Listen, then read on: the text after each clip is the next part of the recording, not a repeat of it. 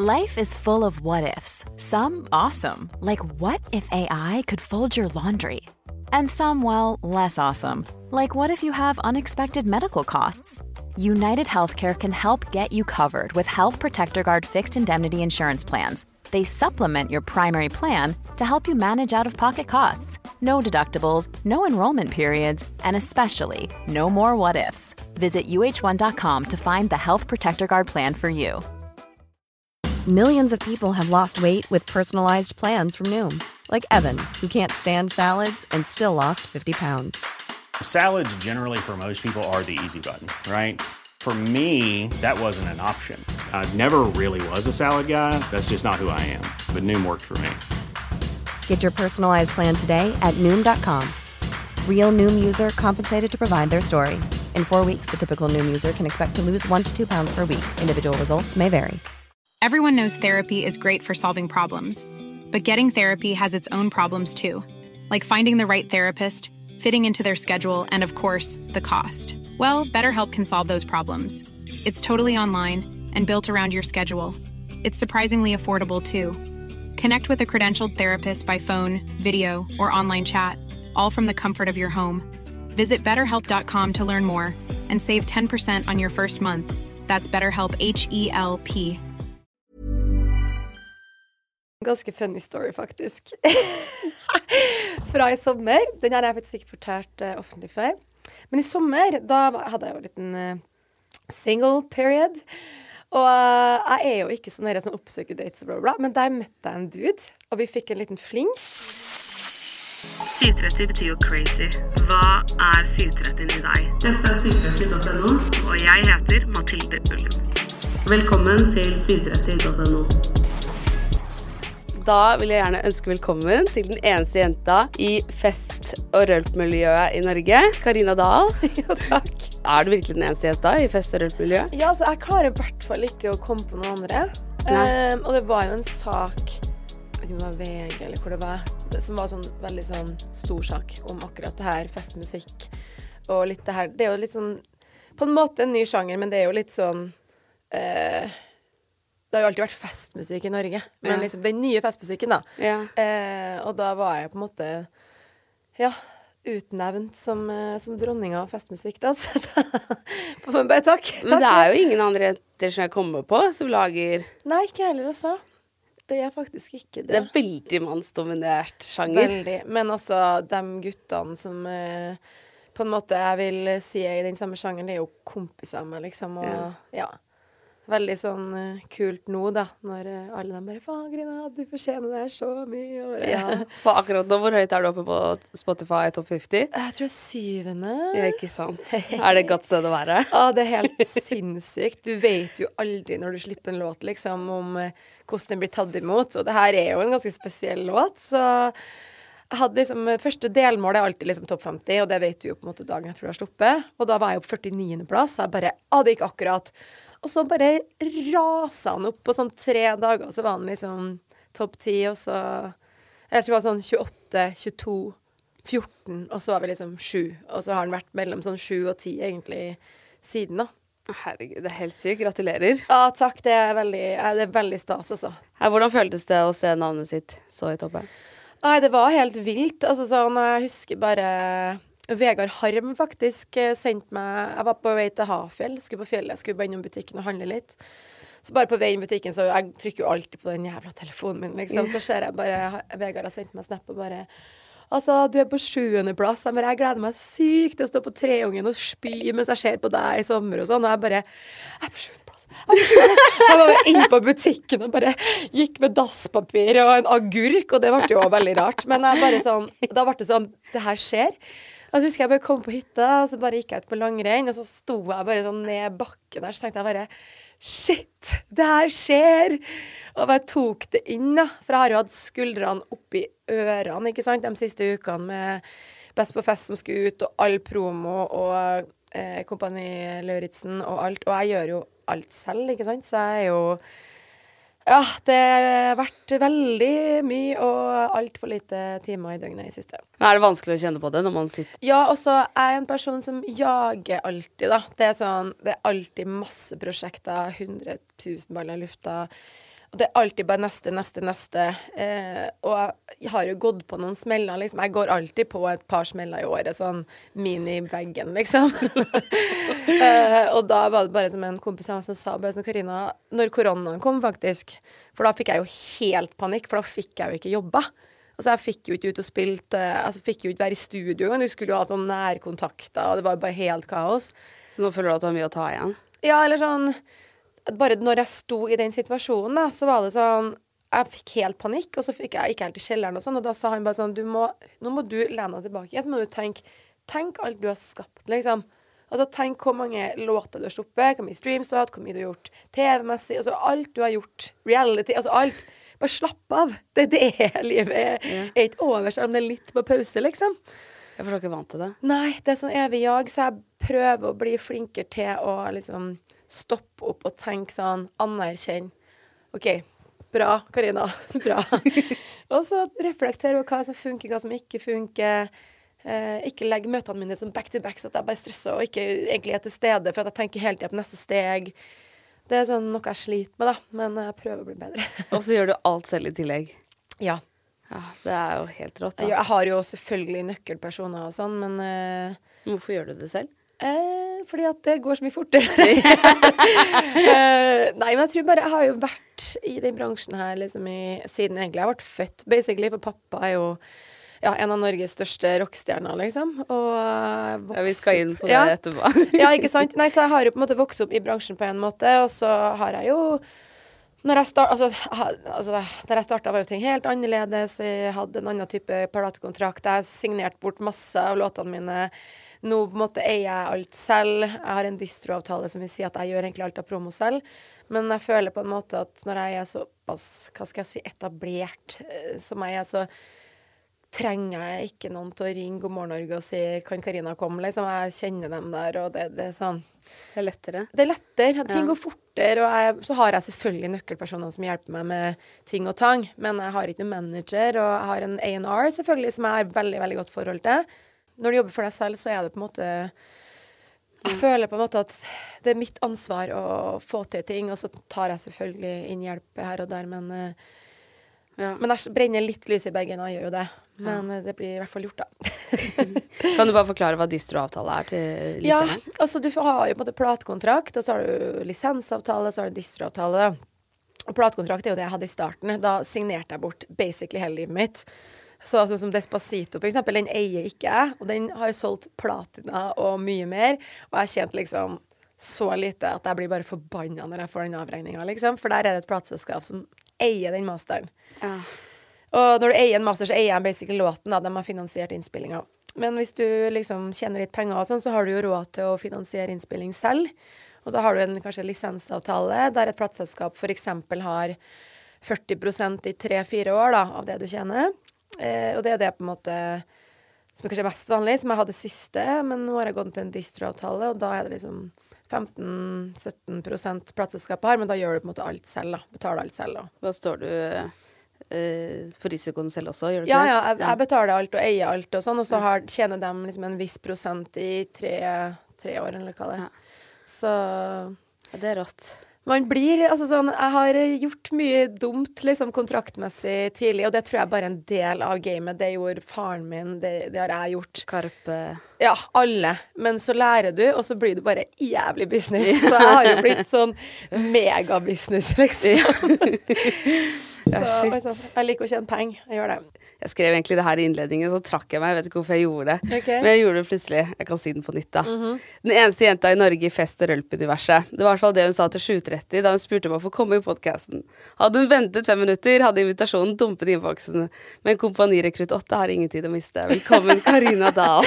Ja. Jeg vet ikke hvorfor jeg trakk meg, men altså, jeg syns det er så rått at du bare går på og går på. Det er som Alle får det jo med seg. Ja, du er på Kompani Lauritzen, du gjør det så bra, og så bare kommer den meldingen med en gang. 'Hei, kan jeg være med i podkasten?' Tenkte Ja. jeg sånn. Ja, hun, Ja, hun det- skal være med. Men det var liksom sånn nå, Det her er første låten jeg gjør på den distro-avtalen. da Ja. jeg bare sånn Jeg har jo vanligvis ikke spurt om sånne ting Nei. selv. Det har kommet. Men Ja, ja. jeg nå er det faktisk opp til meg.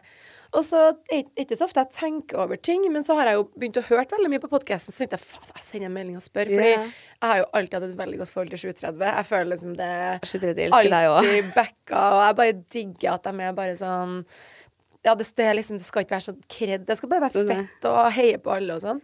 Eh, men da tenkte jeg jo bare Å, det har vært, vært dritfett. Så bare, og så er det jo sammen med alle andre Altså aviser, TV-ting Jeg kjenner jo folk, så det er jo bare å si ja, Kan ikke vi ta en, eh, en sak på det her, eller kan vi gjøre det, eller Så er det jo egentlig så lett. Men det er jo det smarteste man gjør, da. For det er jo, da skjer det jo ting. Ja.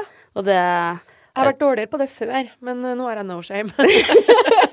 Men man skal ikke ha noe shame. Nei. Da blir det ikke noe business. Nei da. Og da, ja, da blir det mindre muligheter. Ting jeg har spurt mange, da, sånn hvordan liksom får man til ting, hvordan gjør man ting? Så alle sånn, du må bare jobbe, jobbe, jobbe. Mm. Og så altså, men hva betyr det å jobbe hardt? Hva betyr det, liksom? Men når jeg ser på deg, så tenker jeg du jobber hardt. Ja. Jeg tror på en måte at man havner litt i det. Og så jeg har jo et stort nettverk, eh, og jeg er jo liksom en kreativ person. Og så jeg liksom på en måte havner alltid i prosjekter på den ene eller andre måten. Men så var det jo litt sånn Jeg kjente jo på en måte jeg har jo jobba veldig hardt i mange år og har kanskje alltid vært litt sånn forhåndsdømt for at jeg har gjort så mye forskjellig, så folk kanskje litt vanskelig for å sette meg i hva, hva er det hun gjør, på en måte. Men jeg er jo veldig glad i opplevelser og det å bare ja, være med Være en ja-person, ikke sant. Hvorfor skal man leve et liv bare Nei, det kan ikke jeg gjøre, for da tenker folk at jeg er sånn, eller Det er bare å gjøre det man har lyst til, da. Men så kjente jeg jo sånn som når Stjernekamp endte opp med å bli så bra som det ble, da, så var det jo klart at etter covid, med den tredjeplassen i Stjernekamp, hvor på en måte folk fikk bli ordentlig kjent med meg, det, det bidrar jo til masse, til masse jobb. Og så husker jeg bare tenkte sånn Shit, når den fader litt ut nå da, da jeg må huske på å holde meg aktuell, liksom. Man kan ikke bare ri på de bølgene som kommer, da. Man må liksom alltid tenke Og da tenkte jeg shit, jeg, jeg må virkelig liksom få til en skikkelig låt. Altså, jeg gjør, prøver jo alltid det, da. Altså, jeg har jo sluppet 20 låter siden 2020. Altså sånn, ja, ja. Og eh, har jo blitt noen gullplater, og det er liksom sånn, men at Best på fest klaffa så bra nå, det var bare sånn å, takk Gud. For da, da fikk man på en måte en ny knagg som gjør at man på en måte holder seg aktuell, og det er spillejobber, og det er på en måte det man elsker å gjøre, som man fortsatt får gjøre, da. For har ikke noen låter som klaffer, så er det jo vanskelig å få jobbe av alt, da. Så man må på en måte For en annen ting også, eh, å jobbe hardt, da, hva det betyr, er jo også at man må bare gjøre det og gjøre det og gjøre det. Gjøre det. For jo flere ganger du gjør det, jo større er sjansen for at en av de tingene du gjør, Ja. kommer til å gjøre det bra. Men hvis man hele tiden sitter bakpå og er sånn Nei, jeg vet ikke om denne passer meg, eller imaget mitt, eller hvor jeg skal, eller Så får du jo veldig få muligheter, da, for du får jo veldig få ting Ja, du gjør. Ja, du gjør jo det. Og det er klart at hver eneste av de 20 låtene jeg har sluppet, har jo jeg hatt trua på. Hvis ikke så hadde jeg aldri sluppet det. Men om det funker eller ikke, det er jo helt umulig å si. Og har jo vært liksom oppe på topp 50 egentlig på mange av singelslippene mine de siste årene, men aldri liksom helt opp på topp 10 på en god stund, da. Så ja, og det er jo på en måte alltid der man har lyst til å ende opp, men man vet jo aldri. Uh, nei.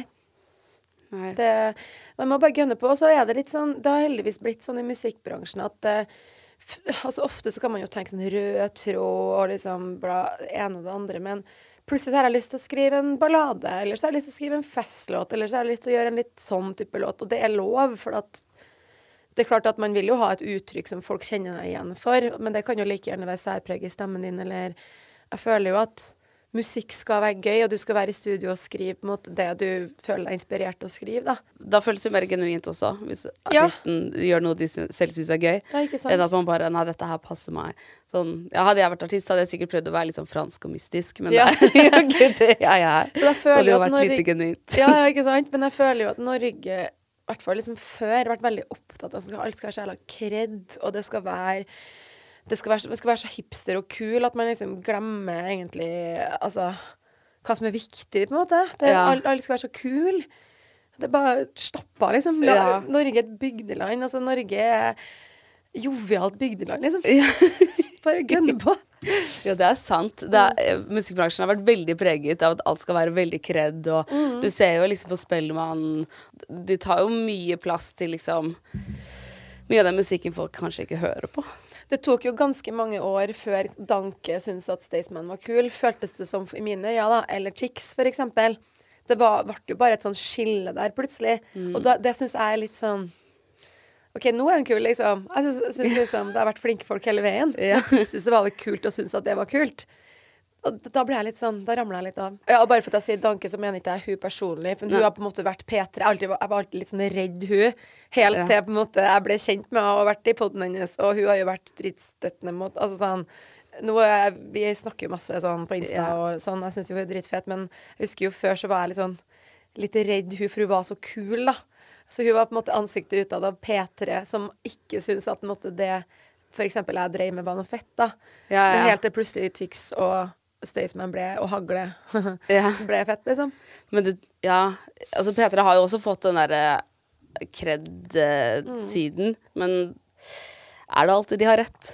Det er jo ikke det. Nei, det er de brukte blir lang tid på å spille undergrunn òg, så det Ja, men det er jo derfor at jeg syns det på en måte blir så urettferdig i anførselstegn at det er noen som skal sitte og på en måte trone og bestemme hva som er kult eller ikke. Fordi ser du utover Norges land Se på hagla, da. ikke sant? Ja. Til og 100 millioner på to år. Det er helt sinnssykt! Altså, det, det er så bra, liksom. Men det som er forskjellen nå, er jo at uh, markedet bestemmer. Så det er jo Ja. de som, lytterne som bestemmer eh, hva som skal gå bra og ikke. Mm. Og da kan P3 si hva de vil, men folket hører på Hagle. Mm. Og da Ja, jeg elsker hagle. Både Ja. musikken og personene. Ja, ja, ja. ja. Det, men det er bra da, at man ser at musikken blir litt annerledes. For før i tiden så var det jo, måtte man jo få sangen sin på radio for at det skulle gå bra, og da Mhm. så var, satt jo liksom noen gatekeepers og skulle bestemme hva folk skulle høre på. ja, nettopp. Nå bestemmer folket hva de skal høre på. Det er jo sant. Og det er jo det som er Ja, å herregud, det blir sånn lang Jeg kan gå så langt inn i diskusjonen her. Ah, ja, nei, jeg skal ikke begynne. Nei, men uh, jeg husker første gang jeg så deg, uh, var Tigerstaden. Oh, yeah. Og det var så gøy program. Ja. Altså Det har jo skjedd mye siden det, da. Vi måtte bare ha en sånn throwback. ja, altså? Tigerstaden var jo på en måte opphavet til bloggerne i dag, da. For lytterne som ikke vet hva Tigerstaden var. Men det var jo egentlig Linni Meister hadde jo et eget show, og så hadde Petter Pilgaard og Mari Høgersven, Petter elsker Mari. Eh, og så hadde, hadde de lyst til å på en måte merge det til på en måte ett sånn program med flere, der de fulgte flere jenter. Og da, på den tida bodde jeg i Stockholm.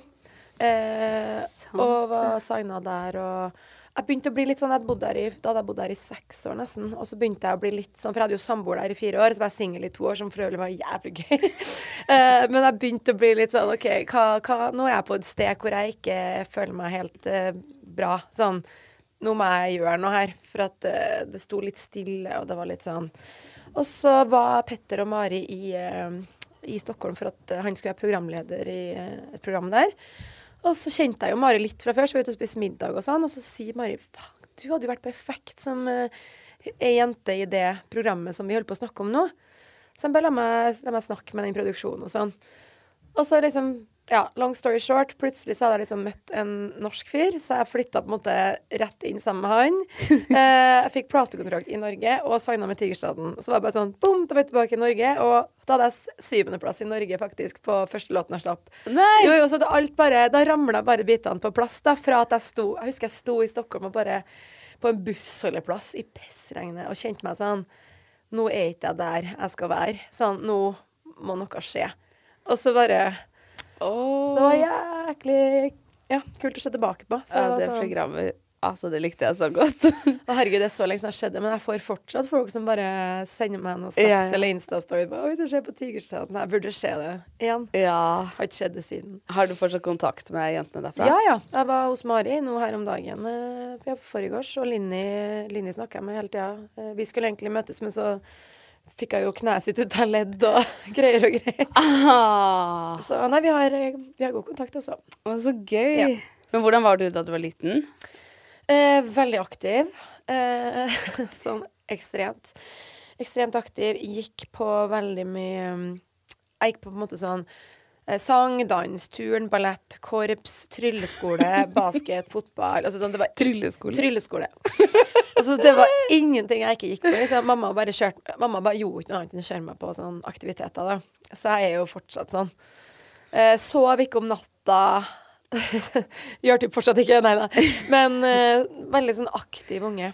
Oh. Ja, og likte å underholde. Skulle alltid være på skoleunderholdning og på scenen. Og... Ja, for da likte du å ha at folk så på Ja, ja, jeg Ja. var Britney Spears Ja. på ungdomsskoleavslutninga med sånn fire jenter som dansa bak meg.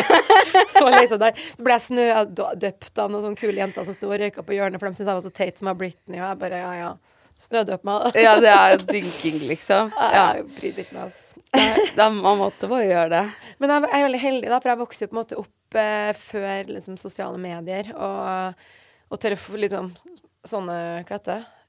Vi hadde jo telefon, men altså ikke så ille som nå, da. Nei. Så der fikk man på en måte være litt mer eh, seg selv og gjøre det man lyst til, uten at det var så mange som skulle ha meninger om det, utenom kanskje dem rundt, da. Ja. Og jeg følte jo at jeg vokste opp i en veldig sånn Ja, jeg syns liksom jeg alltid hadde venner som var veldig backa. Og det har ikke vært noe rart at eh, selvfølgelig skal Karina danse på Nei, det har vært synge, eller- naturlig for alle Ja, rundt. Ja. og liksom alltid bare følt meg veldig sånn backa. Ja. Så jeg tror jo at det er det som jeg har tatt med meg videre inn i voksenlivet. Sånn har jo blitt spurt sånn Ja, jeg føler du har liksom vært veldig misforstått, og alle har på en måte hatt sånn for, Eller alle, men du har kanskje følt deg litt sånn forhåndsdømt. Så jeg bare sånn ja og nei, men jeg har liksom på en måte fokusert på det positive. da, Og så kan jeg jo ikke på en måte Folk som ikke kjenner til meg eller hva jeg driver på med, de får nå bare ha den meninga hvis For når jeg var med i Stjernekamp, så var jeg plutselig sånn Å ja, du kan synge. Bare sånn Ja. Velkommen etter. Ja, jeg har gjort det noen år, da. Sånn. Eh, men det er sånn akkurat som at jeg måtte ha trippelbevist veldig da, av at jeg er dattera til faren min, eller har, har gjort eh, liksom FHM, eller altså gjort masse TV, så har det vært vanskelig for folk, kanskje, som jeg sa innledningsvis. Men, Ja, At folk nesten ikke tenker at det er forenlig med hverandre og vil ha oppmerksomhet. Eller Ja, hva er at man greia? gjør Ja, at du Hvis du vil gjøre FHM og gatebil og sånne ting, da kan du ikke være Nei. artist. Det er jo sånn, og jeg er jo fra tidlig av, når du spør meg liksom hvordan jeg var som barn, det er akkurat likedan da. Det var som, jeg gjorde 100 ting. Ja. Jeg gikk på alt av fritidsaktiviteter. Altså, jeg kunne ikke spille fotball, jeg, men jeg gikk på fotball, for jeg synes, eh, det vil jeg òg gjøre. Ja. Så det er jo sånn jeg er som voksen også. Jeg syns det er gøy å bare Ja. gjøre masse. Være litt god i mye, liksom. Altså, jeg er litt god, men jeg vil gå rando. eh, jeg vil gå skøyteski. Jeg ja, ta meg en fest, jeg trener. Altså sånn litt av alt. Ja, ja, ja. Men uh, hvordan var du på skolen? Likte du å lese og skrive og fagene og sånn? Jeg tror jeg var litt sånn der, Jeg snakka mye i timene og sånn, så det var jo litt uh, stress. Samme her. Ja. Men jeg var liksom midt på treet, tror jeg egentlig, når det, men, eh, når det kom til sånn liksom karakterer og sånn. Men jeg var veldig sånn sur hvis jeg fikk en treer og sånn. Så Ja. jeg tror jeg var sånn helt OK. Men eh, ja, når jeg bestemmer meg for noen ting, så jeg tok jo en bachelor eh, i voksen alder, og da var det jo sånn Gikk ut med toppkarakterer og sånn, for da har jeg bare bestemt meg. Men på skolen var det jo så mye annet tull. Men eh, jeg tror jeg bare var en sånn Alltid sa lærerne 'ikke svar meg', for jeg skulle alltid liksom tilbake sånn. Fikk du mye anmerkninger og sånn? Ja. Ja. Orden og oppførsel var ikke helt eh, på plass. Men, men. Ja, Da du ble på folk av meg. ja. ja, man må ikke tro at det ikke blir folk bare fordi man får merkninger og sånn. Det- Nei, det er bare når du har mye som foregår inni kroppen, Ja. så er det litt sånn ja. Har du sjekket om du har ADHD? Nei, men vi er ganske sikre på det. Nei, søstera mi har jo det. Mamma, altså sånn. Så det, jeg er ganske sikker på det. Men jeg er bare sånn Jeg har ikke noe behov av Altså, jeg kommer aldri til å bli med, Eller vil ikke gå opp medisin uansett. For at Ja. jeg føler på en måte at uansett hvilken diagnose jeg eventuelt har, så har jeg på en måte brukt det godt, da. Ja. Eh, men jeg har jo sånn veldig konsentrasjons... Altså på kontrakter og sånn. Jeg, jeg får helt packeren, liksom. Jeg må sette meg ned sånn Nå leser du. Og så er jeg sånn Og så går det bare helt sånn i hele hodet. Og så er det sånn OK, gå en liten runde, prøv igjen. altså, så, så det er jo mye sånn. Men jeg får jo mye gjort, og det er mye energi, og det er liksom bam, bam. Og jeg er jo fokusert når det gjelder sånn, men det er mye andre ting som jeg sliter med å ja. holde koken på. Ja, altså så lenge man får brukt det til noe positivt. Eller sånn at Ja. det ikke, når det ikke kommer i veien for deg, så er det jo ikke noe vits å Nei. Ja. Men eh, det er jo sånn, vi snakka faktisk om det, vi hadde en familieferie her nå, og da sa jeg jo til pappa bare sånn Altså, det koker over liksom i hodet mitt, og sånn jeg sover ikke om nettene, og det er sånn derre Ja, I hvert fall i perioder, da. Så når det er mye som skjer og sånn. Og så blir jeg veldig sånn som eksempel hvis jeg er litt usikker på logistikken til helga på en tirsdagskveld, så klarer ikke jeg å slippe det, liksom. Så da ligger jeg på natta, og så er det sånn Jeg vil sjekke den muligheten, den, den. På eksempel hvis vi skal reise et sted, eller altså sånn Jeg skal på spilling, eller altså Det er sånn Da må jeg finne ut av det nå. Hvis du skjønner? Det er veldig slitsomt, i stedet for at sånn Det ordner seg. Det Nei, det skal Det, ja, det høres litt slitsomt ut. Ja. Men var det sånn da du var liten også, at du ble, liksom, kunne bli litt frustrert? Eller at det var Søstera mi var mer sånn sint unge. Men det var mer for min del. Så var det sånn, jeg fikk høre liksom at på barnehagen så Når vi skulle ut, da Jeg hata å ha på meg klær. Det var liksom, også i hvert fall Hvis du skulle legge sokken inni støvelen. Altså alt måtte være sånn helt perfekt. Så jeg brukte jo en time på å få på meg klær, for jeg var helt rabiat. Og så når ungene var på vei inn, da var jeg liksom klar for å gå ut. da, Fordi de har brukt liksom hele den pausen på å få på meg klær. Så jeg tror det var litt sånn styr, ja. Ja, men du får jo også ut av all den energien, og du trener jo mye. Du er på studio og jobbsprek hver dag. Ja, altså jeg trener kanskje sånn fire Fire, kanskje fem ganger i uka. Ah, det er mye. Uh, ja. Jeg, vil gjerne trene hver dag, men det går ikke, liksom, på en måte, Ja. alltid. Men, men også når jeg er på ferie, når jeg er på spillejobb og alt sånn, så finner jeg meg et gym, liksom. Men Ja. det, det er ikke sånn at jeg trener sånn for at jeg har noe mål kroppsmessig. Jeg liker å liksom holde meg stram og fin i fisken, på en måte, men jeg spiser jo alt jeg vil, egentlig, og drikker rødvin og øl, og så at jeg er jo ikke noe nazi på noen ting. Men det er på en måte mest for hodet mitt at jeg, jeg får veldig energi av det. Ja, det er Og veldig sunt da å trene. ja, jeg, det er som, for meg er det som å liksom pusse tennene. Det er bare noe jeg gjør hver dag. Ja. Eh, og så så er jeg litt sånn herre OK, i dag kanskje jeg bare rekker 40 minutter dritkjapt, men da får jeg få gjort det. Ja. Det er bedre enn å tenke sånn Nei, å, jeg rekker ikke det i dag. Jo, du rekker faktisk 40 minutter. Supersette, seks øvelser, bam, ferdig. Liksom gå i neste møte i treningstøy og bryte meg om det. Ja. Men det, det er bare en vane, tror jeg. Ja. Men jeg er litt nysgjerrig, du må fortelle meg. Hva er det som skjer på Just Studio Jobbsprek? For det er jo eh, treningssenter bak i Brygge Ja. i Oslo, som er Det er veldig dyrt å trene der. Ja. Og de har jo de dyreste medlemskapene i dette landet. Og det er jo veldig mange forskjellige, da. ja. Eh, men hvordan er folkene der? Hva skjer? Altså, det er jo Jeg trener jo på Aker Brygge, og det er jo for at jeg bodde der i syv år, så det var liksom det nærmeste senteret. Nå har jeg flytta på Sankthanshaugen, så nå går jeg jo 20 minutter hver dag, da. Men det er fin oppvending. Eh, men der har du jo på en måte et vanlig Studiejobbsprek var et PT-senter. Det vil si at det var kun PT-tjenester der. Eh, og da har, du, da har de en sånn greie der du kan Du har treningstøy og truser og sokker og alt liggende der, som er på en måte nyvaska når du kommer, så du trenger ikke å ta med deg noen ting. Og så du har alt av liksom håndduker, sjampo, balsam, alt er der, da. Og det medlemskapet er jo tydeligvis grisedyrt. Ja, jeg tror det er sånn 12 000 i måneden eller noe. Ja, det gjør ikke jeg. Jeg trener bare på, på måte, den vanlige avdelinga. Ja. Og da er det jo, det er jo kjempefresht og fint og stort og De filmet jo en scene til Exit der og sånn. Det er jo oh, ja. ja. Ja, der har jeg jo trent siden 2016, så det er på en måte bare der jeg trives veldig godt. Hvordan er folkene som trener der? Sorry, jeg var veldig nysgjerrig. Å ja, nei, det er alt mulig rart. Ja. Det er jo mye sånn folk som jobber der, liksom business people og sånn. Men det er alt mulig. Og nå har du det her Bruce, så nå er det jo masse folk som er der på timer og Men jeg føler meg liksom veldig hjemme der, da. Litt sånn for hjemme. Sånn hallo! Ja. Nice. Men uh, ja, Kompani Lauritzen, der ser man jo at du er i veldig god form. Ja, gjør man det? Ja. jeg føler jo ikke det. Jeg syns det ser helt jævlig ut. Men eh, nei da, men det er klart at eh, jeg har jo trent jevnt i ganske mange år, så jeg er jo sikkert liksom helt OK trent. Men jeg løper jo aldri.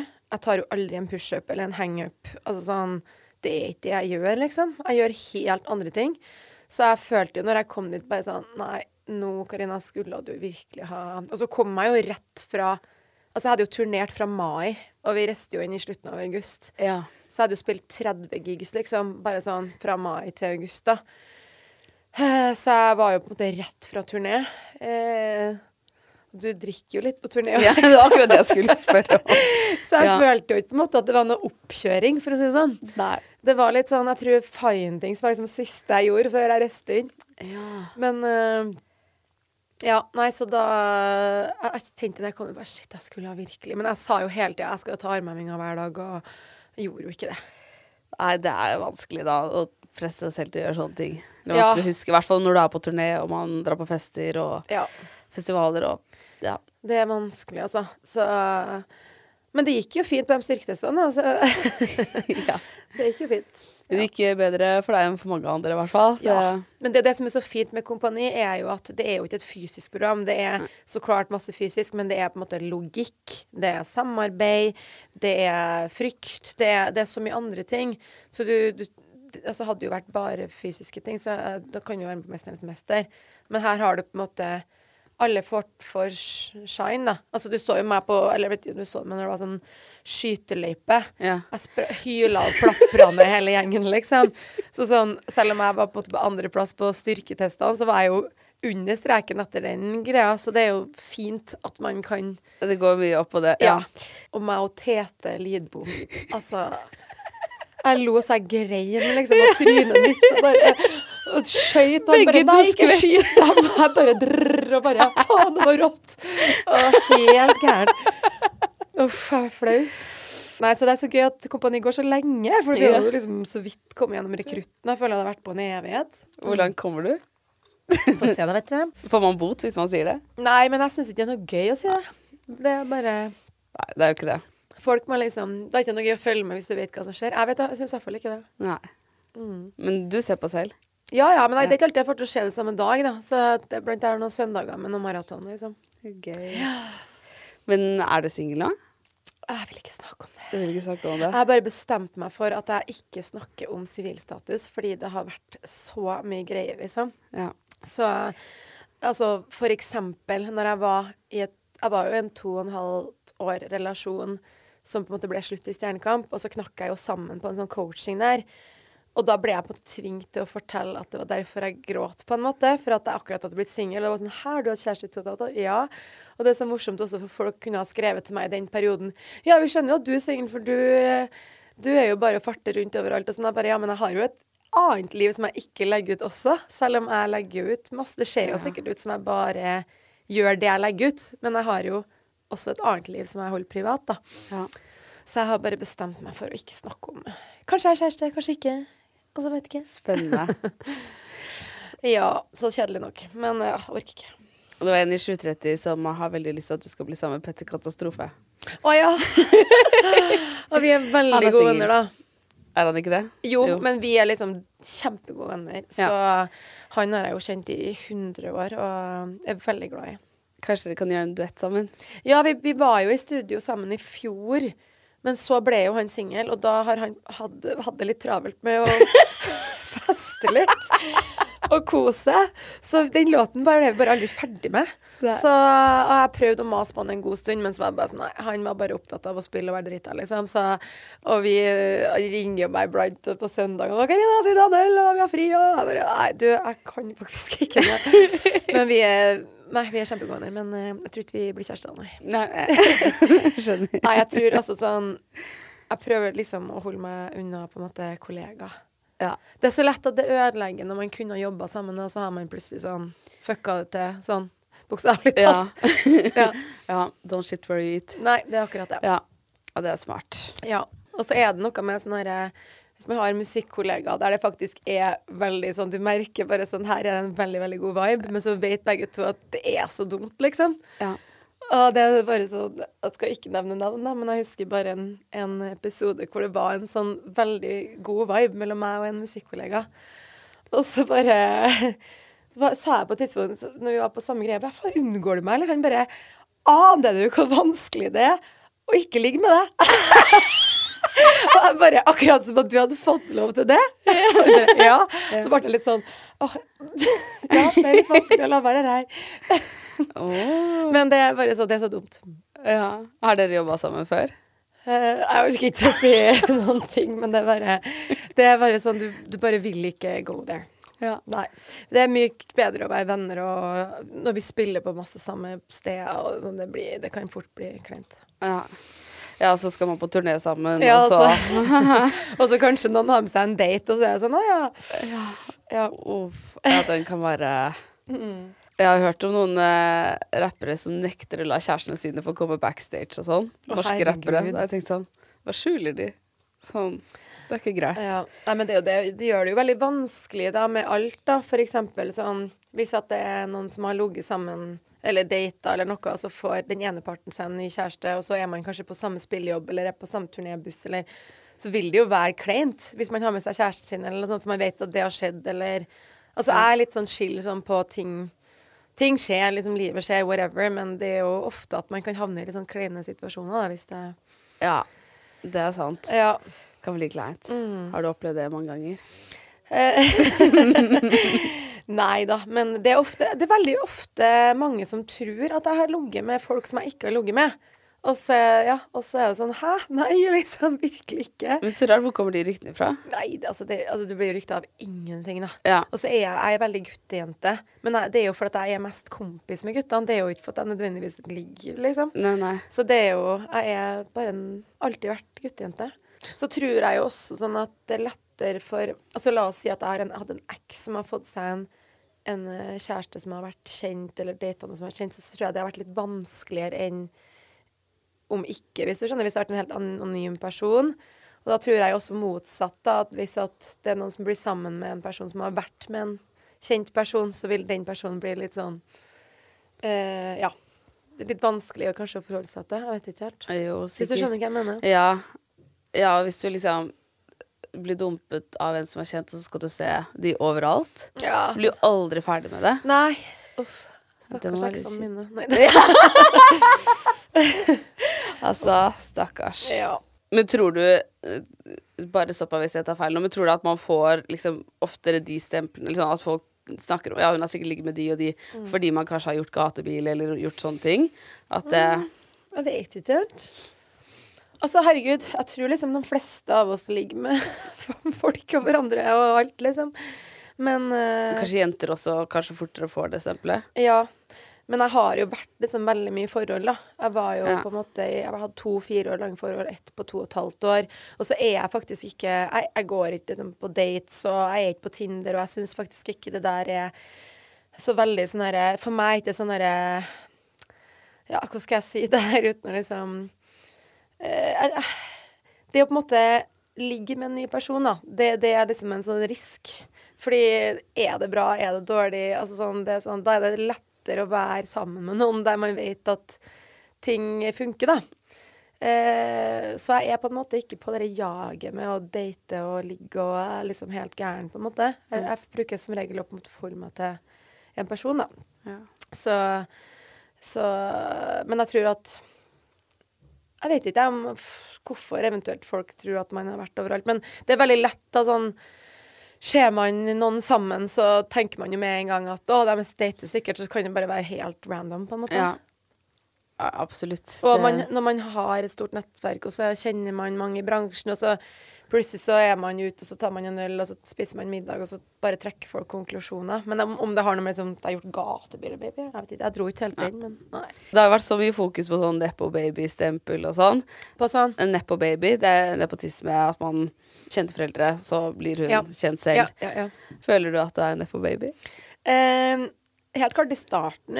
Eh, det er jo sånn, jeg følte at jeg måtte på en måte bevise ekstra mye, da.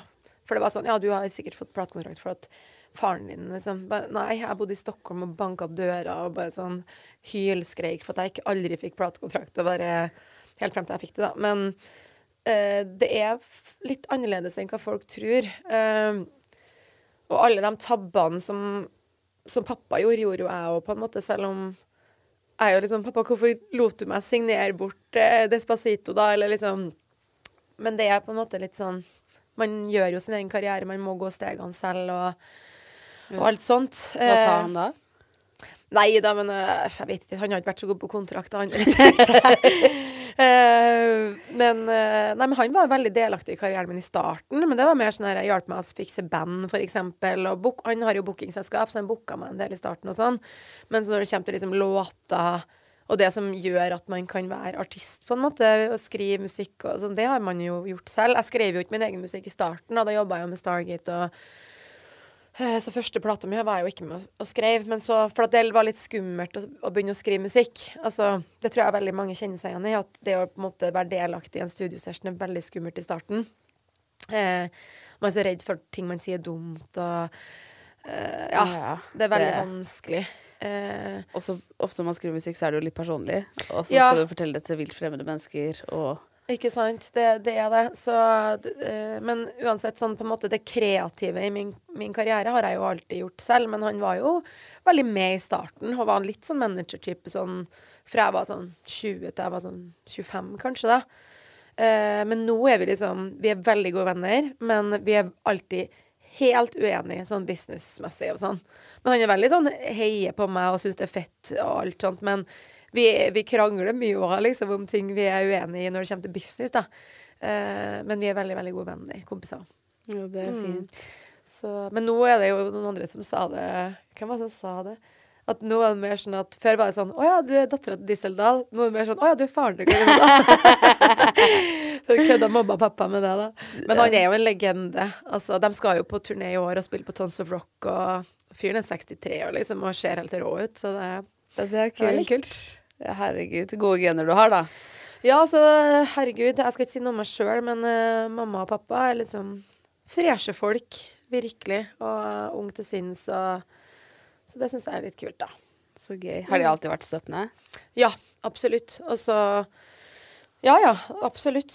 Egentlig, ja. Men jeg vokste jo opp med en veldig utradisjonell familie også, da. Med liksom pappa i Helse Angels og verdensstjerne på tromma, liksom. Eh, og mamma som var sånn var på Trøndelag Teater og gikk på en måte i sånn fargerike klær, og jeg bare sånn Å, gud, der kommer mamma. Og sånn. Så jeg har vært veldig vokst opp i en sånn veldig utradisjonell, både utseendemessig og på en måte karrieremessig familie, da. Så, men jeg er jo eneste Jeg har jo to søsken, og jeg er jo eneste som på en måte jobber med ja, underholdning og TV, musikk og alt, ja. Alt. Eh, men jeg føler at jeg alltid har blitt støtta, ja. Hey, it's Paige DeSorbo from Giggly Squad. High quality fashion without the price tag. Say hello to Quince. I'm snagging high-end essentials like cozy cashmere sweaters, sleek leather jackets, fine jewelry, and so much more. With Quince being 50 to 80% less than similar brands. And they partner with factories that prioritize safe, ethical, and responsible manufacturing. I love that. Luxury quality within reach. Go to quince.com slash style to get free shipping and 365 day returns on your next order. Quince.com slash style. Millions of people have lost weight with personalized plans from Noom, like Evan, who can't stand salads and still lost 50 pounds. Salads, generally, for most people, are the easy button, right? For me, that wasn't an option. I never really was a salad guy. That's just not who I am. But Noom worked for me. Get your personalized plan today at Noom.com. Real Noom user compensated to provide their story. In four weeks, the typical Noom user can expect to lose one to two pounds per week. Individual results may vary. Life is full of awesome what ifs, and some not so much, like unexpected medical costs. That's why United Healthcare provides Health Protector Guard fixed indemnity insurance plans to supplement your primary plan and help manage out of pocket costs. Learn more at uh1.com. Har du noen råd du vil gi til andre artister? Oi, ja, altså Ikke signer bort skitten din. Eh, det er veldig lett å bli eh, veldig gira når man har lyst til å bli artist og sånn, på bare Å, herregud. Og bare gjør litt research på folk du jobber med og sånn. Jeg har jo brent meg på å jobbe med folk før som ikke har vært bra, og fordi at man blir veldig solgt inn, da. Eh, så tenk, tenk deg om liksom noen ganger før du signerer ting. Vær veldig nøye med kontrakter. Eh, og så er det liksom bare hopp litt i det. det. Jeg husker jeg skulle ønske at jeg begynte å skrive tidligere. For jeg var liksom, hadde bare litt for um, redd for å gjøre det. Eh, så er det på en måte bare aldri å gi seg, da. Og så har jeg å liksom tenke litt sånn hva er det, Hvordan musikk har jeg lyst til å gjøre? Hvor kan jeg kanskje fylle et tomrom? Jeg har jo alltid vært veldig glad i country. Eh, og når jeg var banka dører i Stockholm, ville ha platekontrakt og sånn, og når jeg fikk det og sånn, så ville jo jeg jo gjøre country. Jeg ville jo være Norges Taylor Swift. Så jeg sklei jo litt inn i den derre festrølp med humorgreia. Ik ikke noe strategisk, det bare ble sånn fordi at det var den tilnærminga som var lettest for meg å gjøre når jeg skulle skrive på norsk, da. Jeg syns alt ble kleint hvis ikke det var humor, på en måte. Og så fikk jeg jo endelig muligheten til å få inn de her countryelementene som jeg alltid har ha gjort, da. Så Best på fest er jo liksom kjempeinspirert av Vassendgutane og den som jeg alltid har elska. Den stilen, på en måte. Det er så kult. Så nå får jeg på en måte endelig gjøre det som jeg egentlig ville gjøre fra starten av, som er litt Det er jo pop og alt sånt, men du kan jo nesten si at Best for fest er nesten country og litt danseband òg, bare ja, ja. i 2023-versjon. ja. Men, men det er jo som at Balenciaga er jo bare en ny versjon av Tix, det er jo på en måte. Altså sånn, du kan Ja, ja, ja. Eh, jeg fikk skikkelig danseband-vibes. Og det er jo sjukt at det funker nå, men det gjør jo det, og det er jævlig gøy, altså. Men hva slags planer har du for framtiden? For framtiden. Nei, altså Nå er det jo Altså, det går jo inn i høysesong for spillejobber, så da får jo jeg som den virvelvinden jeg er, panikk over at jeg skal gjøre utnytt all tid. Og nå har jeg jo vært veldig mye i studio, så jeg er jo egentlig ferdig med de neste fire slippene. Men jeg jobber jo fortsatt i studio hver uke. Så det blir jo høysesong for eh, konserter, så jeg skal bare prøve å utnytte helgen og litt sånn til litt reising før det. Reiser ikke på sommeren. Nei, nei. Det kan man ikke. Nei, men kan i hvert fall ikke bestemme noen ting. Men jeg bruker jo ofte å bare sånn Hvis jeg ser at jeg er fri en midtuke, da, så bare hiver jeg meg Jeg har jo litt venner som har hus og båter og litt sånn rundt omkring, så jeg er Ja. veldig heldig der, så jeg kan bare Hello, can I come down on your yacht? Hørtes jævlig ydmykt ut. Så, men det er det som er så nice. Da. Der står jeg cowboyhatt på Treungen-festivalen og elsker livet, og så bare dagen etterpå rett på yacht. Og så Og så tilbake igjen. Og jeg elsker alle aspekter, ikke sant? Altså, jeg elsker livet ditt. Så kan du skrive en bok? Hæ? Kan du skrive en bok om livet ditt? Ja, Morten Hegseth har sagt at den skal han skrive. Ja, OK. Men Martin Hegseth, I'm talking to you. Vi må ha bilder også. Vi må ha noen bilder. Å, herregud, ja. Det er altså Jeg tror jeg bare må vente til foreldrene mine er litt eldre. På en måte. Så ja. Nei, men jeg, jeg, burde, jeg burde jo skrive bok også. Du må jo det. Jeg må det. Ja, for det er jo mye vi vil, vi vil vite som eh, Ja. Jeg var litt mer ufiltrert før. Da la jeg liksom ut jævlig mye greier på Snap på Insta. Og det er jo det alle de videoene nå som jeg har brukt bare i Best på fest på TikTok og sånn, kommer fra. La jo ut det der, liksom. Det var jo sånn, Nå er jeg jo sånn Jeg legger aldri ut fest lenger. Jeg legger ikke ut privatliv. Jeg legger jo bare ut mot alt det andre. Så det er jo det som er så rart. Folk tror jo bare at det jeg gjør, er det de ser, men jeg gjør jo veldig mye annet også, som er liksom på, på godt og vondt. det sånn. Eller sånn Jeg har jo et privatliv, eh, men jeg legger liksom ikke ut noe av det. Nei. Er det noe du har angret på at du har lagt ut? Ja Hva da? Nei, altså Jeg hadde jo et selskap før som het Bubbles and Brunch i Norge, som er på en måte et festkonsept, så da la jeg ut veldig mye av det. Men der var jo jeg på en måte på jobb, men det var jo for å markedsføre et, et firma der vi omsatte for liksom 800 000 på en lørdag, liksom. Det er klart at jeg ville markedsføre det. Ja. De festene. Og da ble jeg jo tatt for veldig sånn festjente, for det var veldig, veldig mye fest hele tida. Men jeg kunne jo sitte på BI og, med jussboka mi fem dager i uka og legge ut fest i helgen. Men jeg, var, da, jeg fikk liksom sånn feststempel, da. For det, og så ja, jeg elsker å ta med en fest. Jeg er jo best på fest, på en måte.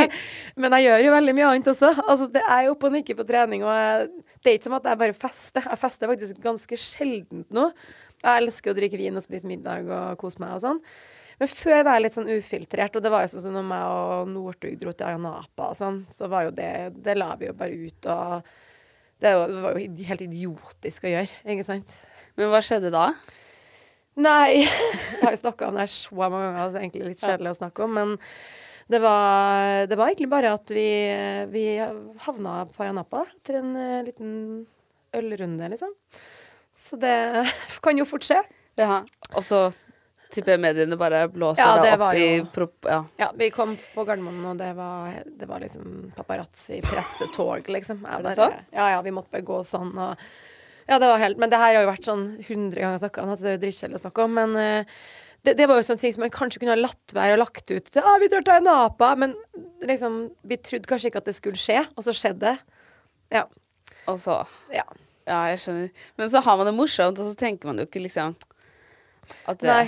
Og så har jeg jo gjort noe blemmer. Jeg husker jo en gang eh, Det var på en måte sånn Jeg lurer på om det var litt sånn halvveis i covid, men det var, hadde vært, nei, Jeg kommer ikke på helt om det var i covid eller rett etterpå. Da hadde jeg jo kjæreste på det tidspunktet. Og så var jeg, hadde jeg vært ut på noen greier. Og jeg, var, jeg var, ble ganske full, da. Og ble så jæklig dårlig, liksom.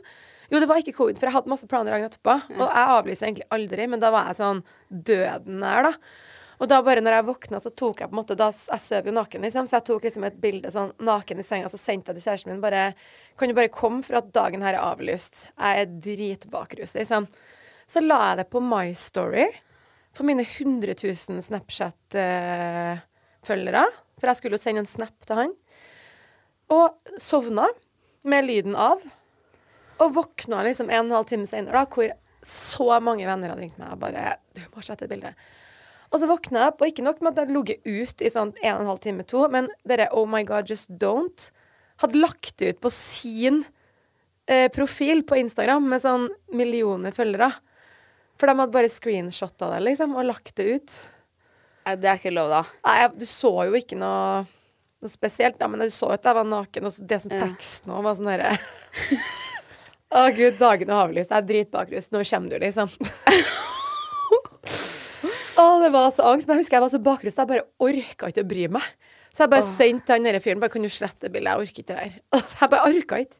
Men uh, ja, hvordan ble bakrusen da? Etter når du Nei, ser men det? jeg tror at jeg, jeg er ganske sjelden bakrus, for jeg blir Ja. veldig sjelden sånn, sånn drita at jeg blir bakrus, liksom. Uh, men da var jeg bare sånn Jeg bare orka ikke å bry meg. Jeg hadde ikke, jeg hadde ikke det i meg til å bry meg. Det var sånn, nei. Ja, Så det har jo vært noen blemmer. Det har Ja. jo det. Og hvem har ikke gått på en liten blemme? Ja. Det, Men det som er jo sånn som før, jeg var veldig ufiltrert, og da er det veldig lett at folk Det de ser, er- eller sånn Det de vil se, på en måte henger de seg opp i, da. ja. Som jeg kunne legge ut at jeg var på spillejobb, var på trening, var på Det er jo sånn som nå, ikke sant. Jeg jobber jo ræva av meg, og så legger jeg ut Hvis jeg legger ut en fest, da, så er det bare sånn Å, dæven, du bare fester, du. Uh, nei. det er. Ser Eller bare tar, bare det de vil se. Eller bare tar for gitt at uh, Nei, jeg skjønner jo at du ikke har tjent om kjæreste. men sånn, Hva vet du om jeg er kjæreste eller ikke, liksom? Ja. Du vet jo ingenting om det. Du vet jo ingenting om dem, hva jeg gjør på kveldene, hva jeg gjør i helgen, hvem jeg er med. Ingenting. For at jeg legger ikke ut. Ikke sant? Oh, Så folk bare drar konklusjoner alltid. Jeg syns det er så interessant. Eller hvis jeg legger ut en middag med et to fat, da, så er jeg automatisk på date. Eller typ Det kan jo være søstera mi. Altså sånn Folk bare drar konklusjoner alltid. Ja, for etter du var med på Stjernekamp, så fikk du jo liksom mye mer kred, da. Ja, på en måte, kanskje. Mm. Ja. Føler du at du fortsatt må jobbe for det? Altså, jeg syns Stjernekamp ble veldig fint. Fordi jeg har jo på en måte alltid gjort det jeg gjorde her. på en måte, eller sånn, Jeg har jo jobba med musikk og holdt på med det her så lenge, og så har jeg føltes det som at på en måte at å ja, det ble en sånn greie. Så jeg skulle på en måte ønske at den kom litt før, kanskje.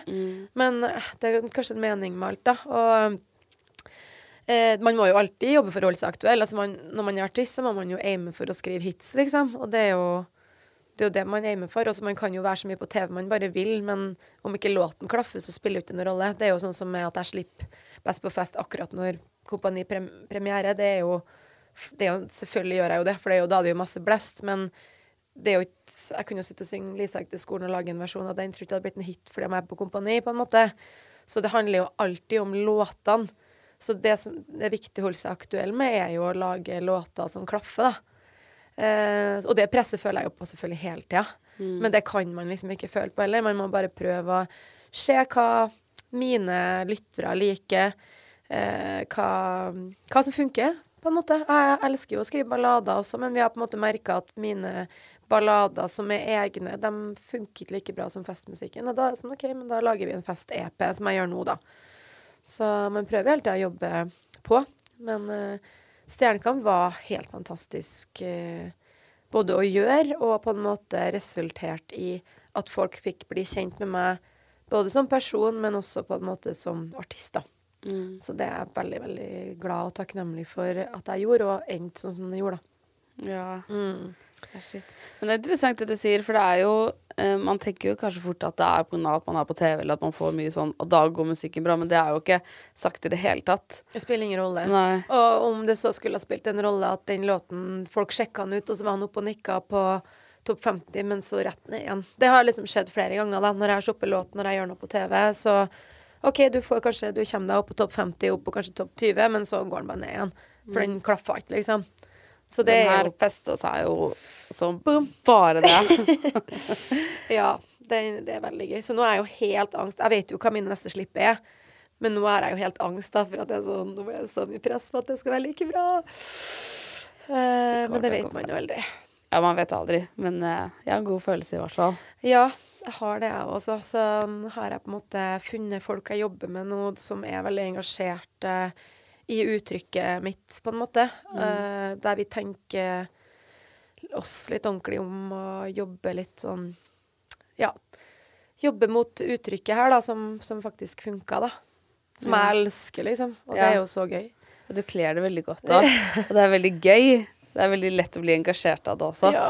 Elsker å ha på meg cowboyhatt. Og det er så bra at det er jo litt sånn in nå, så da er det jo bra. Ja. ja, det er bra. Alle må dra fram cowboyhatten. oh yes. Men uh, er det gøy når du er ute og danser, og så setter du den på? Ja, det er så sykt stas. Jeg var jo på Hafjell her en helg, og så var jeg bare innom lodgen, som, det som var helt sånn rolig, da. Folk bare satt og slappa av midt på dagen der. Og så var jeg på do, så hørte jeg bare låten min kom på. Jeg bare what? Så gikk jeg ut, jeg bare herregud, liksom. Og alle bare sånn. Og da følte jeg sånn eh, Da er jeg jo helt privat og helt sånn rørsprengt i trynet på skia og sånn, men det var bare så sykt. Så kom det ei jente bare Jeg så du var der, så jeg satte den på. Jeg bare åh. Så gjorde de det samme på afterskien på Gaia-stova etterpå, og der eh, spiller jeg jo den 7. april, på langfredag. Så det var gøy. Det syns jeg er stas, altså. Ja, det er stas. Også når folk sender meg videoer sånn på Tapperiet i Trondheim, jeg tror det var sånn nesten 2000 stykker der, så hadde de spilt den, og så skrudd den ned på liksom akkurat på Best på fest, og alle ropte. Jeg satt hjemme og hylgrein. Jeg lå sånn her over senga og grein og bare Det her skjer! Altså, jeg var sånn ugly cry. Altså, jeg begynner nesten å grine nå. Og så, la jeg ut, så måtte jeg bare filme det, for jeg tenkte dette skal jeg huske på for meg selv. Og så lager jeg en TikTok bare Det er så sjukt. og så la jeg den ut, og så fikk jeg litt angst, og så fjerna jeg den. Ja, det var bare sånn der, eh, Iblant må du bare stoppe opp og bare sånn Det står faen meg nesten 2000 stykker og roper sangen min. Sånn, hva skjer? Åh, har du og tårer i øynene? Ja. jeg blir så glad på dine vegne. Jeg vet at du jobber hardt, og det, Ja. alle sier det. Og det er godt å se at du får den suksessen du fortjener.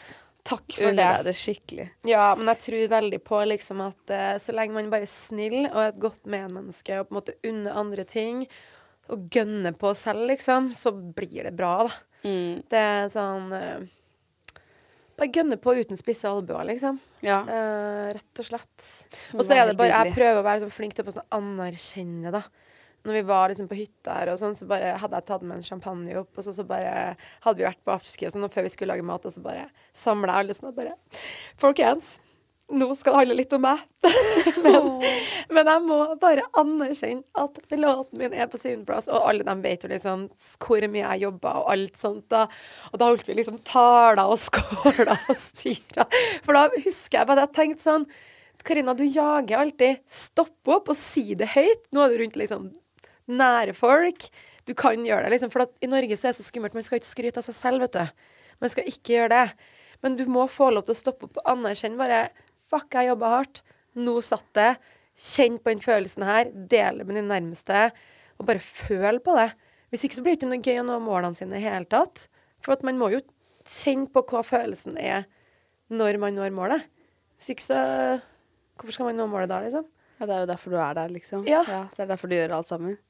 Eh, har du lyst på en spørsmålsrunde fra det, Instagram? det òg, ja. Ja. Jeg har jo hørt masse på poden din, vet du, så jeg visste jo at det kom. ja. Ladies and gentlemen. Instagram spørsmålsrunde. Instagram spørsmålsrunde. Spør om hva du vil Han uh, lurer på hvem den mest kjente du har vært på date med, er. Oh lord. Eh, Å, herregud, det er jo et par. Nei da. um, det som har vært i pressen, da, er jo um, Markus Schenkenberg. Uh, og så Dog Reinhardt, han som var Ex on the Paris Hilton. Det var jo typ Å, det var paparazzi, og det var helt galarne, altså. Uh, men så hadde jeg en ganske funny story, faktisk. Fra i sommer. Den har jeg faktisk ikke fortalt uh, offentlig før. Men i sommer, da hadde jeg jo en liten uh, single period.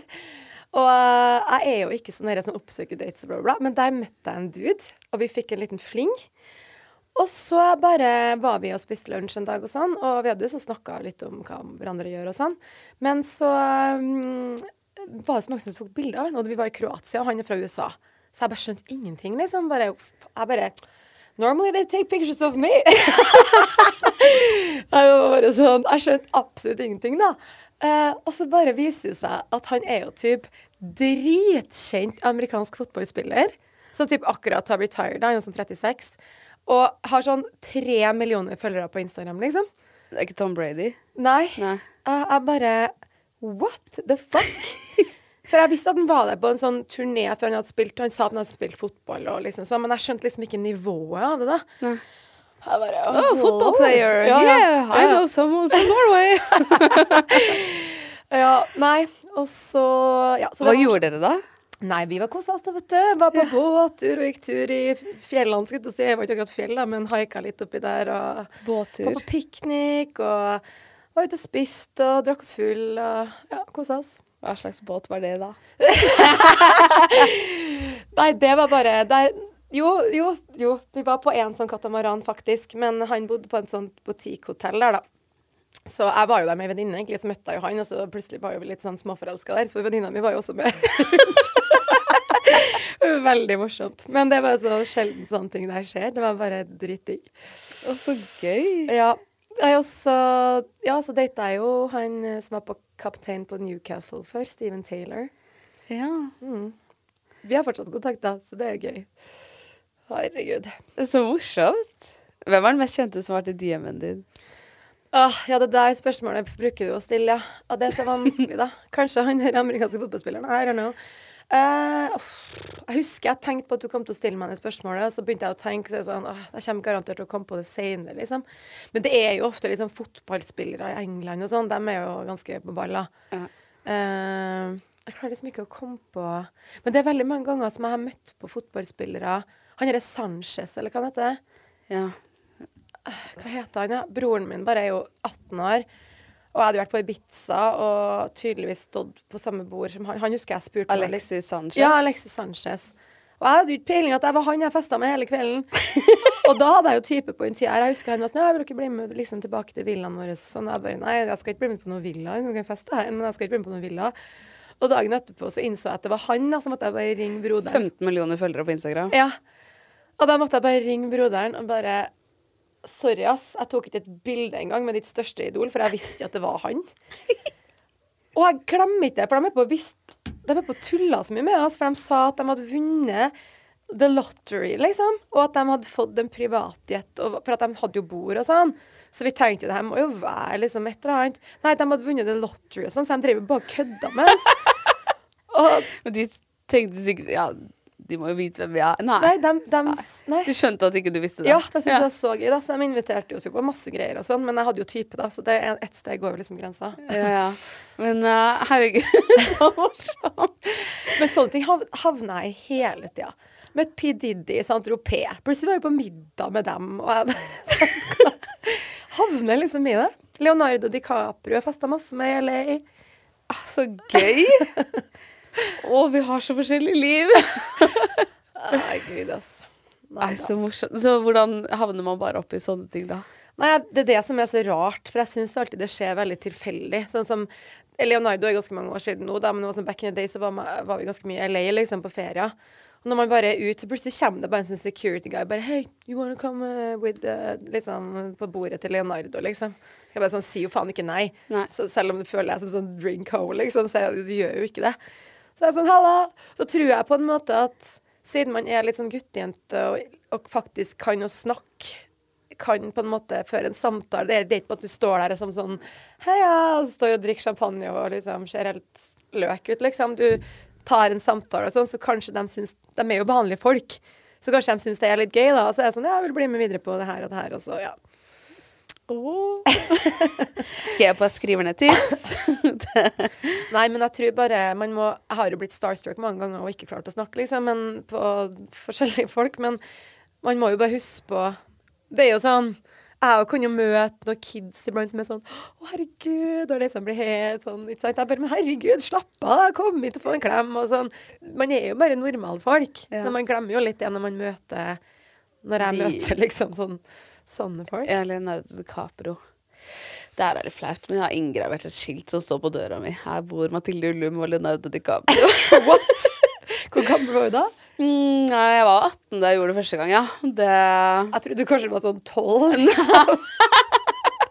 Å. Men uh, hvem er det du ville blitt starstruck av å møte? Å gud, uh, Dolly Parton. Å, fy faen. Miley Cyrus. Ja. Nå så jeg akkurat dokumentaren til Pamela Anderson, og jeg ble bare sånn derre Fy faen, hva jeg skulle ha gitt for å bare hatt en uke i hennes liv som back in the days. Mm. Faen, for ei rå dame, ass. Men hun var også litt hun, var mange som misforsto henne Veldig. lenge. Og det er vel også Fikk ikke også hun et litt sånn urettferdig stempel lenge Jo, at jo. Ja. Det er samme Dolly Parton nå, Mm. egentlig. Altså sånn, dem to, da, nå snakker jeg jo ikke om meg selv, men dem to er jo liksom bare utrolig flotte damer med megastore pupper. Så åpenbart snakker jeg ikke om meg selv. eh, men, eh, men det er jo Da blir du satt i den båsen. Og så er du, da er du bare sånn dum eh, bimbo som ikke kan noen ting, da. Så Ja. det er sånn, Du må liksom alltid jobbe så mye hardere, da. Så er det sånn Pamela Anderson, Dolly Parton har liksom alltid måttet jobbe så hardt for å bli liksom tatt seriøst, da. Og Dolly Parton fikk jo en musikkarriere tidlig, liksom, så for all del. Men sånn som nå er den Pamela-dokumentaren fersket i minne, da. Og det er bare sånn, sånn som hun ble behandla iblant. Det er Mm. bare sånn Seriøst, er vi så trangsynte, liksom?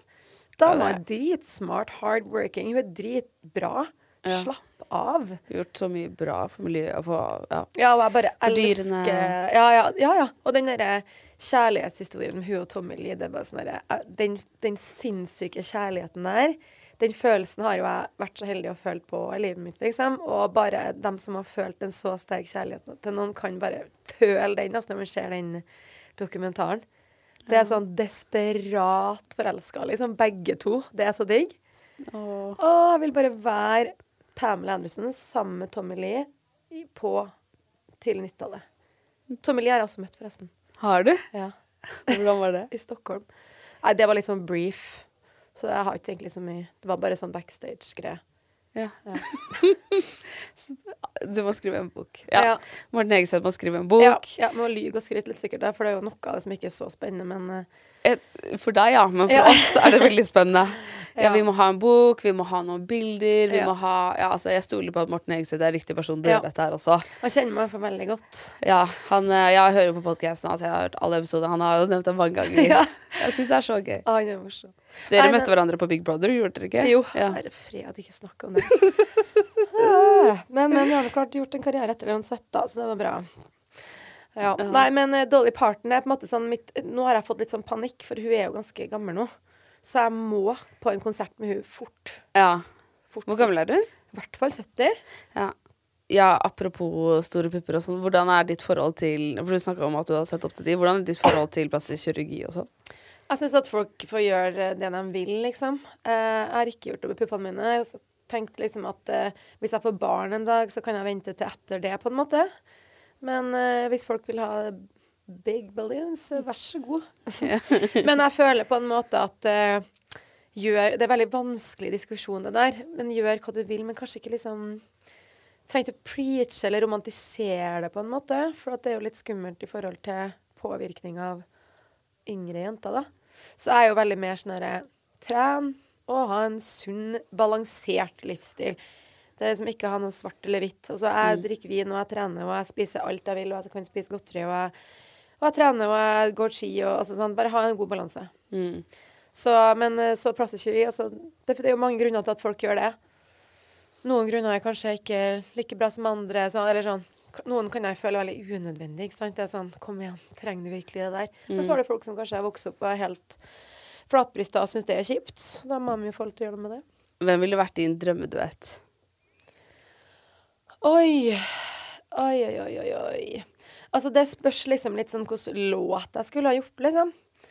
Uh, ja, hvem skulle ha vært det? Altså, jeg har jo veldig lyst til å gjøre litt noe med Rotløs eller Vassendgutane, liksom. Som er på en måte dem som var før oss. Som er på en måte den nye festbygdesjangeren, liksom. Så dem hadde jo vært veldig rått å gjøre noen ting med. Og så har jeg en sånn låt nå som jeg har litt, jeg har litt lyst til å spørre Bjarne Brøndbo Ja, det må du. Ja, men du vet, jeg liker litt det der, da. Men så syns jeg jo sånn sånne juss, da. Ja. Altså, det er jo en Det hadde vært en drøm også. Åh. Virkelig. Ja, det hadde Eh, vært gøy. Ja, skikkelig. Og så syns jeg jo selvfølgelig Ramón er kjempeflink. Ja. Du må gjøre en låt med Ramón. Ja, men han er så jeg, Og jeg hørte den når han var i den poden her. Jeg syns det var så interessant det han sa. Det har jeg tenkt veldig mye på etterpå. Med at man alltid har ønska oppmerksomhet, men jo mer man har fått det, jo mindre vil man ha det. For jeg kjenner meg så sjukt igjen i det, liksom. Syns det er veldig gøy med oppmerksomhet når jeg fortjener det på en måte på en scene, men jeg får jo helt packeren sånn Vennene mine var sånn Ja, vil du bli med i Kollen på lørdag? Jeg bare Nei!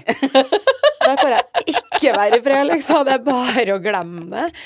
Ja. Og man, det er jo det man har jobba for, men så er man Ja. bare sånn, man setter ikke seg i de situasjonene. Det er rart at det bare kommer til et litt sånn skille. ja, shit. Ja, hvordan blir man best på fest? Åh, ja, herregud. Nei, det handler jo absolutt ikke om å drikke mest mulig. Det syns ikke jeg, Fordi da blir man jo absolutt ikke best på fest. Og det er ikke noe jeg har lyst til å preache heller, selv om jeg synger. Men eh, jeg syns på en måte liksom Det med energi, da. Altså være på en måte en, en person som gir god energi. Og så er det litt sånn artig når man på en måte er litt farskete, vi sier på trøndersk. Finner på litt sprell. Ja. Det er gøy. Eh, Oi, hva er det sykeste du har funnet på i fylla? Ah, eh, det er jo ganske mye, da. Da jeg brøyt meg inn i Lilleputthammer en gang. Hva er det? En sånn liten miniatyrby i Lillehammer. Med sånne små hus og sånn. Ja. Ja. Du brøt deg der. Hva gjorde du der? Nei, vi spilte konsert der. Og så utpå kvelden så fant vi ut at vi skulle dra dit, da. Så vi fikk brøyt oss ikke inn, men det var et sånn høyt, høyt gjerde, da, så vi klatra over. Så drev vi bare og tok jævlig mye bilder. Vi hang i de små husene der og pressa oss inn i sånne små dører og Ja, så de bildene fins. De Gøy. fins til boka. Nei, så det er jo en ting. Så har jeg jo sånn våkna opp i Ayanapa. Uh, våkna opp i Marbella. Altså bare ah, 'Vi drar dit i morgen', da. Altså ikke våkna opp, da, men sånn finn på at du skal gjøre det, liksom. Og så bare gjør du det. Ja. Sånn basically rett fra byen, og så bare pakke og så stikke på flyplassen. Der har jeg sett ganske mange ganger. uh, ja. Det er så mange ganger. Jeg har aldri tenkt tanken engang, jeg. Det- Nei. Jeg gjør Hvordan er økonomien din? Hæ? Er det ikke litt dyrt? Eh, jeg må bare jobbe, da, vet du. Ja. Jo, men altså, jeg, eh, hva skal jeg si?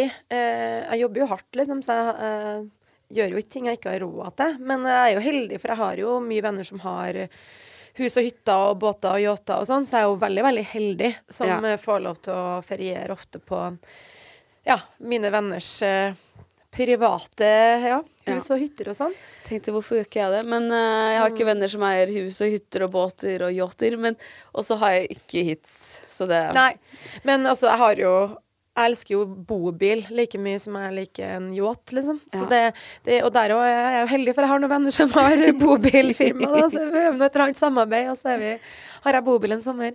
Så det er ikke at det alt skal være så luksus for min del, det er bare at jeg er veldig glad i opplevelser. ja. Om det er telt og bobil eller yacht eller, eh, eller villa i utlandet, så er jeg happy med alt. Ja, ja, ja. du slår meg ikke som en som er high maintenance eller. Du slår meg som en som har det gøy absolutt overalt. Ja, Og kan virkelig. gjøre alle situasjoner er til det. en Men jeg tror det har blitt litt misforstått. For at uh, jeg legger jo ofte ut veldig sånn høydepunkter på Instagram, så ser det veldig sånn glossy ut. Der har jeg prøvd å slutte med nå. For det ser bare ut som at jeg bare jatter rundt og For vi legger ut det som er litt sånn stas å ta bilde av, da. ja. Uh, men så jeg, det skal sies, jeg er veldig økonomisk sånn i hverdagen. Ja. Sånn som når jeg handler på butikken og sånn, så ser jeg alltid på kiloprisen og sånn. Ja. Så jeg liker å spare penger på kjedelige ting. Men så kan jeg bruke penger på det som jeg syns er litt uh, gøy, da. Smart. Ja. Så jeg er veldig sånn eh, Kjøper sånn eh, Altså, jeg kjøper ikke så mye kanskje First Price mat, men sånn First Price vaskepuller og sånn. Ja. Sånn bare Ja, sånn som bare har forskjell? Ja. Skjønner du? Men hvis jeg skal bo på et hotell, da, da gidder ikke jeg å liksom Det koster penger uansett, så da gidder ikke jeg bo på et rælhotell. For det er ikke der jeg sparer pengene. Nei. Og jeg blir jo litt sånn Det er det som er så dumt, da. Når man først har liksom flydd business, så er det så forferdelig. Når man skal på sånne lange, lange flyturer og sitter sånn rett opp og ned. For at man vet hvordan det Du går forbi alle de Ja, som sitter ja. på business og bare åh. Og det er så vondt, for du vet hvordan det kan føles. Jeg skulle bare aldri ha gjort det, for da har ikke jeg visst det. Ja. Så nå når jeg skal til Miami, så har vi jo bare bestilt eh, økonomi. Men jeg er bare sånn Jeg har så lyst til å operere. Jeg får liksom pustevansker av tanke på at For det er jo så dyrt. Så det er jo sånn Skal man virkelig gjøre det? Og så drikker jeg to glass champagne, og så er jeg sånn ah, Can I upgrade? Nei da. Men, eh, men eh, iblant så føler jeg at når man først skal gjøre noe, invester heller i sånne ting som er komfortabelt, behagelig og en opplevelse. Når du flyr business, er det jo som å være på en egen ferie. Ja. Altså bare fly Jeg koser meg så grovt, jeg. Jeg bare Jeg, koser, jeg har ikke tid til å se på film eller noe. For Du må skal ikke bare sove, ingenting. Nei, Nei, nei, du skal bare spise og drikke, og det er sånn Å, du, du rekker ikke overalt, for det er så stas, ikke sant? Ja, ja, ja. Og når du har på en måte brukt penger på noe du syns er så stas, da kan det være verdt det. Da kan jeg like gjerne drite i å kjøpe meg tolv plagg på Hennes og Maurits annenhver uke, liksom. For det er sånn Jeg kjøper ikke meg så dyre klær, jeg kan kjøpe meg en dyr veske iblant, men da bruker jeg heller penger på sånne ting. Ja. ja, og så er det en som har skrevet Hvis du var en dumpling, hva ville du vært fylt med? Å, jeg elsker dumplings. Jeg ville ikke vært fritert. Jeg ville vært dampa. og så tror jeg Altså, ikke svin og ikke kylling, for det spiser jeg faktisk ikke. Uh, men uh, noe reker eller sjømatgreier, eller noe snacks. Åh, kanskje noe sånn uh, and. Ja. Deilig. Ja. Det var et rart spørsmål. Ja, jeg tenkte også men jeg det. er veldig glad i dumpling, så det er et bra spørsmål. Altså, ja, det var sånn Hva skal jeg svare? Og du bare ah, jeg vet. jeg elsker det. Ja. Altså, det her var en veldig god episode. Tusen takk for at du hadde lyst til å Å ja! Jeg trodde vi skulle snakke om en kompaniepisode. Oh, ja. Nei, det Vi avslutter med Vi har allerede holdt på i en og en halv time. Det har gått veldig fort. Gud, hva vi skravler. Er det noe du har lyst til å legge til? Nei, vet du hva. Jeg syns vi har skravla og holdt på, så jeg syns det var skikkelig hyggelig. Ellers er det bare å fortsette å være best på fest, tenker jeg. Det, jeg skal være det i helgen. Jeg skal til Hemsedal. Ja, men det skal jeg òg. Kanskje vi møtes på afterskin der. Ja. Skal jeg faen meg vise deg. Nei, nei. ja, hør på låten. Og have fun. Have fun. OK. Ha det. Og så jævlig klein avslutning.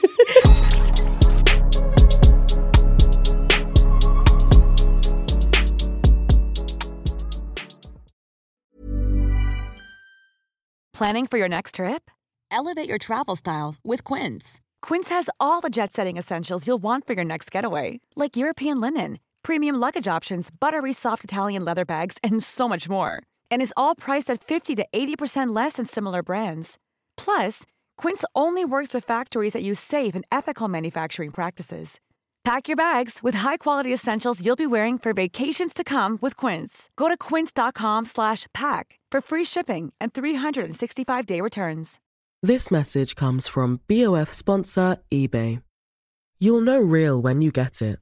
It'll say eBay Authenticity Guarantee. And you'll feel it. Maybe it's a head turning handbag, a watch that says it all, jewelry that makes you look like the gem, or sneakers and streetwear so fresh every step feels fly. eBay gets it. So look for the blue check mark next to that thing you love and be confident that every inch, stitch, sole, and logo is checked by experts. With eBay Authenticity Guarantee, you can trust that feeling of real is always in reach. Ensure your next purchase is the real deal. Visit eBay.com for terms. Imagine the softest sheets you've ever felt. Now imagine them getting even softer over time. That's what you'll feel with Bowl and Branch's organic cotton sheets. In a recent customer survey, 96% replied that Bowl and Branch sheets get softer with every wash. Start getting your best night's sleep in these sheets that get softer and softer for years to come. Try their sheets with a 30-night guarantee. Plus, get 15% off your first order at bowlandbranch.com. Code BUTTERY. Exclusions apply. See site for details. Tusen takk for at du hører på 730-podden.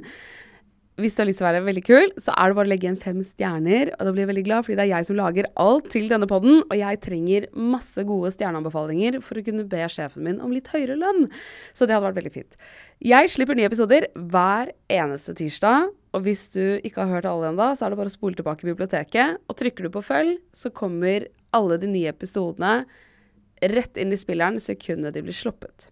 Send meg gjerne en DM hvis det er noen du har veldig lyst til å ha som gjest. Og husk at vi alltid poster spørsmålsrunder på Instagram Story, så da kan du få med spørsmålet ditt i neste episode hvis du vil det. Ha det bra.